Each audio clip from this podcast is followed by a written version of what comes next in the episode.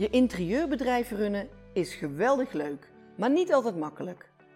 Ik ben Marigon, ik heb knetterveel ervaring als stylist en ontwerper. Ik ken de interieurbranche op mijn duimpje en ik laat je graag nieuwe invalshoeken zien voor waar jij als interieurprofessional tegenaan loopt. Ik maak van je huis een thuis. Ik creëer een interieur dat bij je past. Ik creëer een plek waar je jezelf kunt zijn en heerlijk kunt ontspannen. Welkom op mijn website. Ik zal me even voorstellen. Wat doet dat met de bezoeker van je website? Gaat die daarop aan, denk je?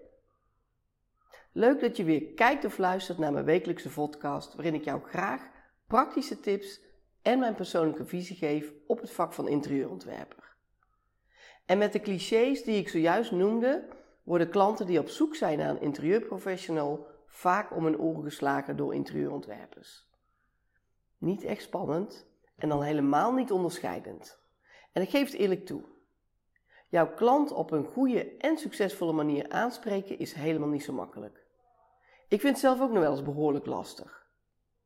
Maar het is essentieel om jezelf duidelijk neer te zetten ten opzichte van je collega's en de klanten die jij het allerliefste wil echt aan te spreken. En kijk nog eens naar de teksten op je website en op je socials. Ik creëer, ik ontwerp, ik heb dit en dat gedaan. Zie je waar je de plank mislaat? Dit soort zinnen gaan vooral over jou, niet over je klant of over zijn probleem. En daar was hij wel naar op zoek. Naar een oplossing voor het opbergen van zijn spullen, naar de beste plek voor zijn onlangs aangeschafte fauteuil, naar een fijne thuiswerkplek als alternatief voor de keukentafel of naar een mooie kleur op de wand. En daar leest hij helemaal niets over. Je klant kan wel uitgebreid lezen dat je vroeger, toen je jong was, in je slaapkamer ook al met de meubels schoof. En waar jij als ontwerper allemaal ervaring in hebt. Wat je opleiding is, wat je werkwijze is en wat de kosten zijn voor jouw advies. En daarna kan hij doorklikken naar een pagina met tussen de drie en soms wel twaalf pakketten. En dan wordt het helemaal moeilijk kiezen voor je klant. Het is een gemiste kans voor jou en een situatie waar je klant standtepeden stress van krijgt.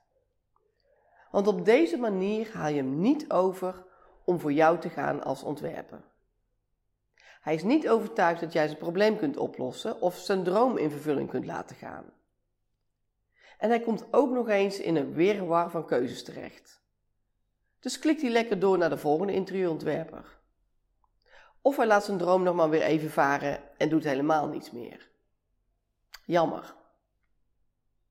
Een gouden tip is om gewoon het aantal keren dat je ik gebruikt in je tekst te turven. En daarna het aantal keren dat je jij of u gebruikt. Nou, je voelt hem al aankomen. Dit laatste moet de overhand hebben. Want dat betekent dat jij het meer over je klant hebt dan over jezelf.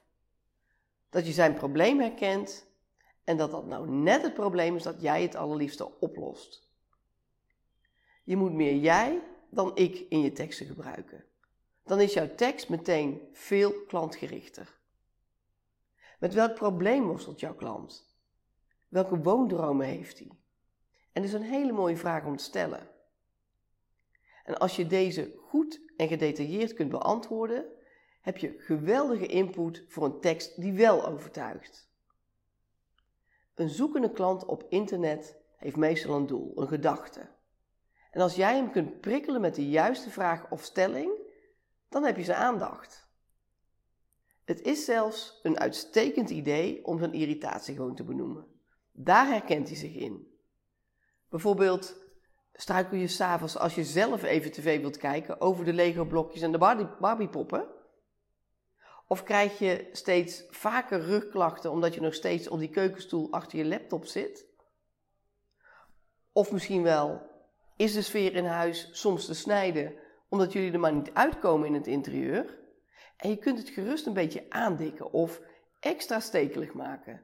Zo leg je de vinger op de zere plek en krijgt jouw potentiële klant een prikkel om nu echt in actie te komen door jou te bellen om zo zijn probleem op te lossen.